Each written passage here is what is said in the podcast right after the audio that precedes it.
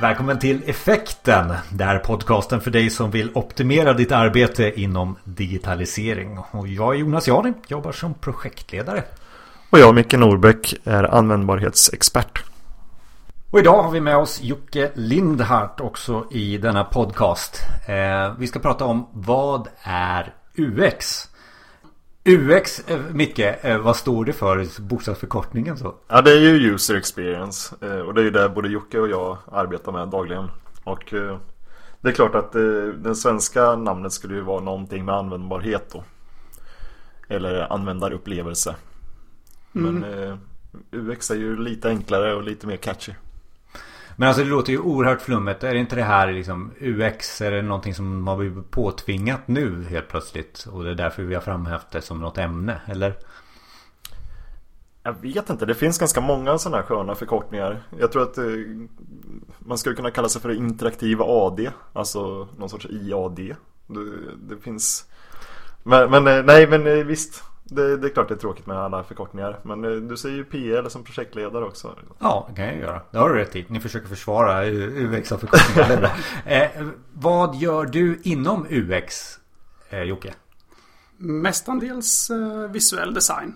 Mm. Men även annat eh, relaterat. Användarstudier och användbarhetsanalyser. Eh, mm. och allt möjligt egentligen.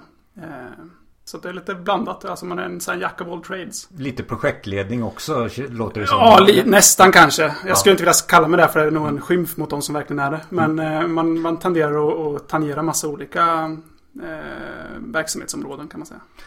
Och mycket inom UX. Vad gör du inom UX? Ja men det är som du säger, man är ju lite av en kameleont där. Så att eh, det är alltifrån kravställning och kravanalys och jag har varit produktägare här nu senaste tiden. Eh, till att göra användartester, till att göra visuell design, wireframes. Eh, ja, det mesta skulle jag säga. Och då undrar jag alltså, är det inte här bara design? Alltså, eh, ja, vi målar någonting och så blir det snyggt. Det blev en app eller det blir ja, fast... någon webbsida eller... Men om ja. du lyssnar så, alla de här sakerna som vi pratar om här nu, de har ju den gemensamma nämnaren, inte design eller visuell design. Utan den gemensamma nämnaren är ju användaren. Och särskilt då om man går mot eh, test och kravhållet och de här bitarna. Så det är ju där fokuset ligger. Exempel på, på företag eller kunder som, som, som, som gör det här UX bra. Va, va... Nej, det tråkiga exemplet är ju Apple. Som folk brukar ta upp, men det är ju ett välkänt fenomen. Varför är det eh, tråkigt? Som vi ja, därför att det, det, är så använt på något vis. Mm. Man skulle vilja ha någon annan att ta fram. Och Google har ju börjat positionera sig lite mer nu med sitt material design och deras formspråk och, och sätt att göra. Men det känns ändå som att i formspråksväg så är de kanske i fatt eller om Apple till och med möjligtvis. Men just med själva användarupplevelsen och allt annat runt omkring så tror jag Apple har en försprång. Men, men om vi tar Apple då. Vad är då deras UX? Alltså varför är de duktiga på UX? Handlar det om någon form av vi börjar här och slutar här resa? Eller är det så att ja, eh, så fort jag ser en annons på, på Apple så räcker det med att se typsnittet så förstår jag att det är Apple. Eh, alltså ja. jag tror jag har, jag har hört något, jag vet inte om det stämmer, men jag har hört något om den här första iPodden som kom. Att han som tog fram eh, liksom, designen för den, han ville att det skulle vara i storlek av ett cigarettpaket. För att den skulle få plats i din eh, kavajficka eller något sånt där. Mm. För innan hade ju alla CD-spelare och sånt var så stora liksom. Och då har han ju tittat på en form eller någonting som, kan liksom, som, folk, som funkar för folk att ha med sig. Som folk inte lämnar. Som är inte jobbig att bära på. Alltså han, han har utgått från ett från användarens perspektiv istället för tekniken eller något annat liksom. Mm. Sen vet jag inte om det är en skröna bara men det kan ju. Men sen bygger man ihop det där till ett helt ekosystem. Så att det är ju inte det är ju inte du har dina mp3er liggandes här och så ska du ha dem på någon teknisk liten pryl för att kunna spela upp dem där. Utan sen är det ju att du vill lyssna på vilken musik som helst. Och då, ja, det är då man kör över, eh, vad heter den svenska musiktjänsten? Spotify. Spotify, precis. Det, det är då man, eh, man säger att vi ska kunna spela all musik eh, i våran lilla eh, hörsnäcka. Liksom. Så att om jag skulle tolka det här i UX så handlar det för mig väldigt mycket om när jag går och köper mig en iPhone till exempel. Så ska känslan redan i butiken finnas där. Och den, ska, den känslan ska följa med mig när jag öppnar boxen. När jag börjar konsumera någonting. Tills jag konsumera någonting i något system eller vad det nu är för någonting som är. Är det, är det rätt tolkat? Ja det är en viktig del av det, mm. absolut. Och det, allt du håller i som är en Apple-produkt ju, känns ju gediget. Ja. Det är inte plastigt och det går inte att böja det lite grann för att det är något som är lite halvslappt ihopsatt eller sådär. Utan det, det ska kännas, det är en känsla man säljer. Ja, det skulle jag säga är största mm. skillnaden på användarupplevelsen på en Android-telefon och en Apple-telefon. Det är just eh, de fysiska egenskaperna mm. som den har. Ja, och, och sen att, att själva UIT och det är väldigt snappy. Liksom. Mm. Att, att allt rör sig på ett skönt sätt, sköna animationer. Eh, allting lever med dig. Mm. Jag tycker den gemensamma nämnaren och det gemensamma ordet här vi diskuterar hela tiden känsla. Eftersom eh, du använder ordet snappy här. Det är, det är ju ett känslouttryck du försöker att... Är det, är det känsla vi pratar om? Mycket i, i, i en betraktelse utav en produkt eller en, ett varumärke eller? Filosofiskt? Ja, ja. Alltså människor är ju känslostyrda mycket. Det, det märker man ju. Det, det är därför eh, Trump och, och, vissa politiska partier kan liksom få, få eh, vad ska man säga, framfart av vissa populistiska idéer liksom, som, som tilltalar känslorna men som inte är så faktastyrda. Så vi är ju eh, styrda av våra känslor till viss del. Men jag tror i UX-arbetet så kanske man inte baserar så mycket på känslor för då har man ju bara sina egna att tillgå. Eh, man, man, då är man ju mer ute och frågar användarna om behov och, och så får man analysera och tänka mer kring det. Eh, sen är resultatet blir nog en känsla. Men jag vet inte om jag i alla fall tänker så mycket i känslotermer när jag arbetar med det. Nej, kanske är det när man samarbetar mera med, med en marknadsavdelning eller eh, marknadsundersökningar och, och sälj och, och de bitarna. Men eh, ja. Har, har vi några mer exempel? Eh, Apple är ju ett jättestort exempel kanske på det här. Är, är det några mer eh, kunder som vi har jobbat med eller några andra exempel från, från uh, kring UX? Eh, ja, vi har jobbat med lokaltrafiks Leverantör? Ja, en lokaltrafik. Ja, lo lokaltrafik. Ja, en, ja. En, en viss lokaltrafik. Ja. Och eh, eh, väldigt framgångsrikt. Gjort användartester och prototyper och, och Eh, arbeta oss fram till att eh, hitta bra lösningar som funkar för eh, användarna. Och många av de teserna vi har haft har ju kanske visat sig stämma, men säg att 20% av dem inte gör det ändå. Att, att man hittar en viss felmarginal där. Man tänkt att någonting var väldigt uppenbart eller väldigt lätt att använda, men som sen visar sig inte alls vara det. För det är svårt att tänka sig in i hur alla människor uppfattar saker och ting och, och tänker kring saker. Så där lyfter ni fram användaren, vilket är väldigt vanligt i UX antar jag. Eh, man lyfter upp användaren och vänder 360 grader på den och tar ner eh, alla förväntningar utav eller vad, vad användaren har för förväntningar i det här fallet då på lokaltrafik. Och sen så har man en önskelåda och sen så gör man eh, de olika kontaktpunkterna så pass bra för den här användaren. Utifrån eh, design, utifrån en känsla eller utifrån en upplevelse från början till slut. Är det, är det så vi gjorde, man, vi gjorde där? Ja, det är, vi, det är ju målbilden är ju att göra det såklart. Ja. Sen är, tror jag inte att man kanske någonsin når ända fram utan man, man hela tiden inkrementellt förbättrar liksom där man har och sen så drar lärdomar av det. Eh, men absolut, jag tror ju innan vi gjort studier och prototyper och hela den resan så det resultatet vi hade innan hade ju inte varit lika bra som det vi har nu. Så, ja. Men konkret, efter en sån här eh, användarstudie eller någonting. Vad, vad, vad kom ut? Ble, blev det liksom den snyggaste appen i hela världen eller var det liksom? Eh, nej, det blev ett, eh, ett gränssnitt som var förhoppningsvis mer användarvänligt. Eller använd, användbart säger vi förresten. Det blev ett gränssnitt som var mer användbart än, än tidigare. Som vart förenklat i viss mån. Eh, vi valde att gömma viss information eller kategorisera den på ett annat vis. Så att inte användaren utsätts för så mycket information på samma gång. Det där är ju en sån sak som Apple är väldigt bra på också. Att, att dölja allt som är lite svårt. Alla, dölja alla avancerade inställningar och, och få liksom default-settingen att funka till för 99 av 100 och sedan så får man, eh, får man jobba lite grann om man ska fixa den sista procenten. Men 99 av 100 är skitnöjda. Liksom. Är det därför de har tagit bort eh, hörlursuttaget också? Är det senaste? Är det, är det UX eller är det teknik? Ja, man har ju sagt att det är för att, man, att den ska bli mer vattentät. Jag vet inte ja, om det... Ja, jag, jag kanske tror att det är mer affärsmässiga motiv bakom det beslutet. Ja, ja, att knyta upp sitt ja. ekosystem lite mer. Men, men den här lokaltrafiken det, det innebär ju liksom i, i, design då kanske att man tar bort vissa delar som har stört i, på en hemsida. Eller man gör någonting snabbare när man ska... Nej, men det, det, är väl så att, att det, det, finns kanske fem eller tio saker som är väldigt vanliga att man undrar som resenär i det här fallet. Och, och det är ju när, när bussen går och, eller när, om tåget är försenat eller vad det kan vara. Och det är de, det, det gäller att foka på de sakerna. Det är inte någon sån här special special Jag ska åka i zon Z till zon Y ja, eh, Mellan två olika klockslag på torsdag eh, om tre veckor Under A-zon, ja just det Ja, Okay.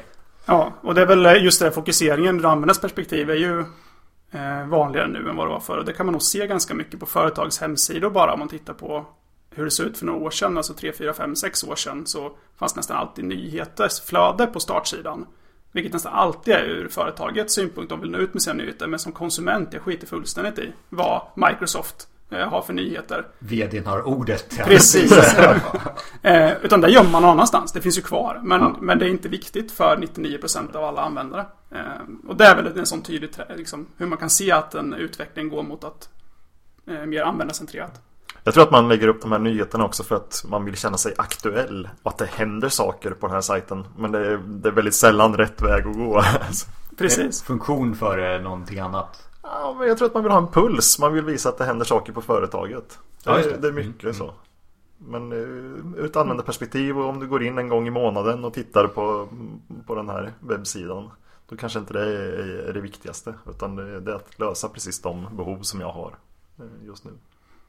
Det låter lite så här gamla så här lagertanke Just in time och fast man gör det mot användaren istället. Väldigt mycket. Ta bort allting onödigt. Är det det som är en av hörnstenarna också i UX? Ja absolut. Förenkla. Ja det tycker jag. All, all information du har med tar ju fokus från all annan information. Mm. Så ju mer information du trycker in ju mindre fokus får du på alla delar. Mm. Och ju mer du tar bort ju mer fokus får du på en del. Men en UX kan ju också komma fram till, nu har vi pratat väldigt mycket IT, det kan ju komma fram till att nej men eh, vi ska ge ut papper istället eller vad det nu är för någonting för att möta kunden. Så att det är inte bara att det ska bli en förändras hemsidan eller appen. Så tolkar jag det också. Mm. Alltså, vi, vi hamnar nog säkert där ändå men, men en, ja. Nej men det ser man ur ett användarperspektiv så kanske det är så att det, det ska vara en, en pappersanslagstavla vid entrén när man går till jobbet. Det är där du får informationen. Det är inte i någon app som du ska logga in på någonstans utan Nej, whiteboarden fungerar ja, fortfarande ja, verkligen. Ja, mm. det, det, kan mycket väl vara det som är svaret. Mm. Vad, gör, vad, är bra UX då? Alltså checklista. Kan det finnas någon checklista för den som vill liksom jobba sig in i det här tänket? Att vara väldigt användarcentrerad och att tänka eh, jag hör att ni brukar prata om UX-resor och, och, att möta kunden och användaren. Få, få en helhet. Men vad, vad är, en, finns det någon bra check, checklista? En masterplan för att i alla fall initialt börja med UX? Ja, framförallt användarna är ju ditt bästa verktyg. Eh, inkluderar du inte dem så har du ju i bästa fall kvalificerade gissningar. Och det kan ju gå hur som helst. Du kan gissa rätt, du kan gissa horribelt fel. Men att inkludera användarna är väl det, det största steget, det viktigaste liksom, i processen. Sen kan du göra wireframes eller inte, men, men ta med användarna åtminstone. Mm. Kolla med Skisser alltså. Ja, ja. Mm. ja, precis. Jag tycker ju effektkartläggning då är starten. Det låter som en metod ja. Ja, ja precis. Men att fråga sig varför man gör det och vem man gör det för och vad det är som ska göras och hur det ska göras sen till slut då. Eh, men, men också som du säger, du så kallar för UX-resan där, vi kallar väl användarresan eller kundresan eller vad man ska kalla det. Den är också väldigt viktig och det är ju ett sätt för oss också att förstå behoven och för att förstå användaren och för den kund som vi jobbar med som, som kanske bara har sin lilla del som den är intresserad av. Den är bara intresserad av eh, sin externa webb kanske. Men det där hänger ihop med så mycket mer som, som deras kunder eller deras användare i sin tur eh, kommer i kontakt med när det gäller det här företaget. Då. Så att användaren i centrum, någon form av 360 runt omkring det, säkert undersökningar och lite workshop runt omkring det. Effektstyrning som någon metod för att ta reda på eh, vad och varför och vem mm. det, det, handlar om i det här fallet. Och inte gå och ställa sig, vi ska göra om våran webbsida. Alltså det är väl en uppmaning att inte börja där på verktyget eller eh, för, för, Som jag förstår det. Eh, ja, mm. lite så. Mm. Det är väl skillnaden mellan att måla om huset och bygga ett nytt hus. Ja. Kanske. Men, ja. Alltså antingen så du kan ju redesigna sidan. Alltså måla om huset. Ja. Men du har kvar, du, du, fyller ingen, du uppfyller inga nya behov eller du löser inga problem. Mer än att det blir kanske fint. Medan om du bygger ett nytt så kan du bygga in en ramp eller du kan bygga hiss och du kan göra en källare och så vidare. Det finns lite jag vet inte om analogin var så jättebra. Men... Nej, men, alltså, nej, men det som är viktigt där är väl att det där låter ju lite skräckinjagande. Fan, ska vi, vi har ju redan ett hus, ska vi riva det och bygga ett nytt? Men, men, men, men riktigt så är det ju inte. Utan man, man, man har ju jättemycket saker som man kan återanvända. Så att man utgår ju ifrån, vad det kan vara, en befintlig webb eller man utgår ifrån statistik och undersökningar som redan har gjorts eh, av det företaget som, som man bygger en webbsajt åt. Då. Men som projektledare så kan jag tänka, vi tar det här exemplet för jag tycker att ibland att det blir så här att ja, men vi bygger en husbil och så kör vi rakt in i det huset som vi har här. Det blir fint. Alltså, man försöker göra någonting vid sidan om som inte har en helhet, i helhetstanke. Eh, Men som för sig är väldigt bra eller? För det kan för sig, vara. Så kan det vara. Så kan för det husbil är ju coolt liksom. Ja. Men då måste man eh, inse att det är just det. Att det är en speciell egen, egen del. Eh, den har ingenting med huset att göra förutom att vi äger samma tomt kanske. Och då är det ett medvetet val att man gör så. Men an, vad är det för nytta vi är ute efter? Precis. Allt det där kommer ja. man ju fram till när man gör en, en förstudie. Mm. Så att det, ja. Varför har UX blivit så populärt nu? Har det inte alltid funnits? Jo, i viss mån har det väl det. Eh, UX i digitala världen har väl blivit på modet de senaste åren. För, för att förr så var data och IT någonting som var förunnat expertanvändare. På 50, 60, 70-talet så var det forskare och raket, alltså militärer som skulle skjuta missiler och grejer som använde datorer. Och sen vid 80-talet, 90-talet så var det ett fåtal utvalda som hade en hemdator eller någonting sånt. Och successivt så har ju användarbasen breddats och fler och fler gränssnitt dyker upp som inte fanns innan. Alltså glasögon och klockor och allt möjligt. Vilket ställer högre krav på att vi ska kunna byta gränssnitt oftare. Det är fler konsumenter, fler användargrupper, fler olika liksom individer som ska använda de här olika gränssnitten. Så det ställer hög krav på att de är utformade på ett sätt som är intuitivt att använda och lätt att komma in i. Absolut, och så blir det ju en konkurrensfördel. För nu löser alla tekniken. Det är rätt billigt att ta fram en mobiltelefon liksom. Som man ringer med och surfar med. Det är ingen, det är ingen rocket science längre. Eh, utan det du konkurrerar med är ju känslan och eh, användbarheten. Ska jag säga. Mm. Så om vi rundar av det här gällande UX. Så handlar det, om jag rundar av det och så får ni rätta mig. Så handlar det om att sätta användaren i centrum och prata ut, eh, inte utifrån verktyg utan hur gör vi det bästa möjliga för användaren. Från början till slut. Ja, kopplat till eh, de effekter man vill uppnå. För det är ju inte alltid det är användaren som eh, som är den som bestämmer, som lyckas uppnå hela eh, effekten så att säga. Utan det, det kan ju Det är lite användaren och sen visionen i... Ja, precis. Mm. Precis. För vi kan ju göra ett gränssnitt som är svinbra för användaren men alldeles för dyrt att producera för, för våran kund då i sin tur. Och då, då, då får man trada lite grann där emellan användaren och andra intressenter.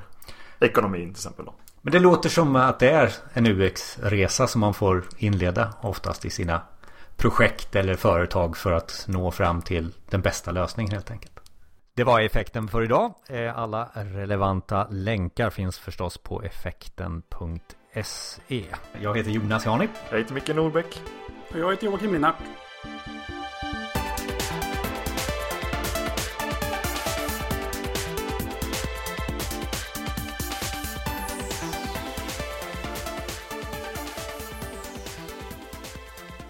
Tack för att du lyssnade. Vi finns för dig som är beställare, konsult eller intresserad av digitaliseringen. Dela med dig av frågor och kunskap till oss. Maila oss på info effekten.se info effekten.se och prenumerera på effekten, det gör du via iTunes eller där du hittar poddar.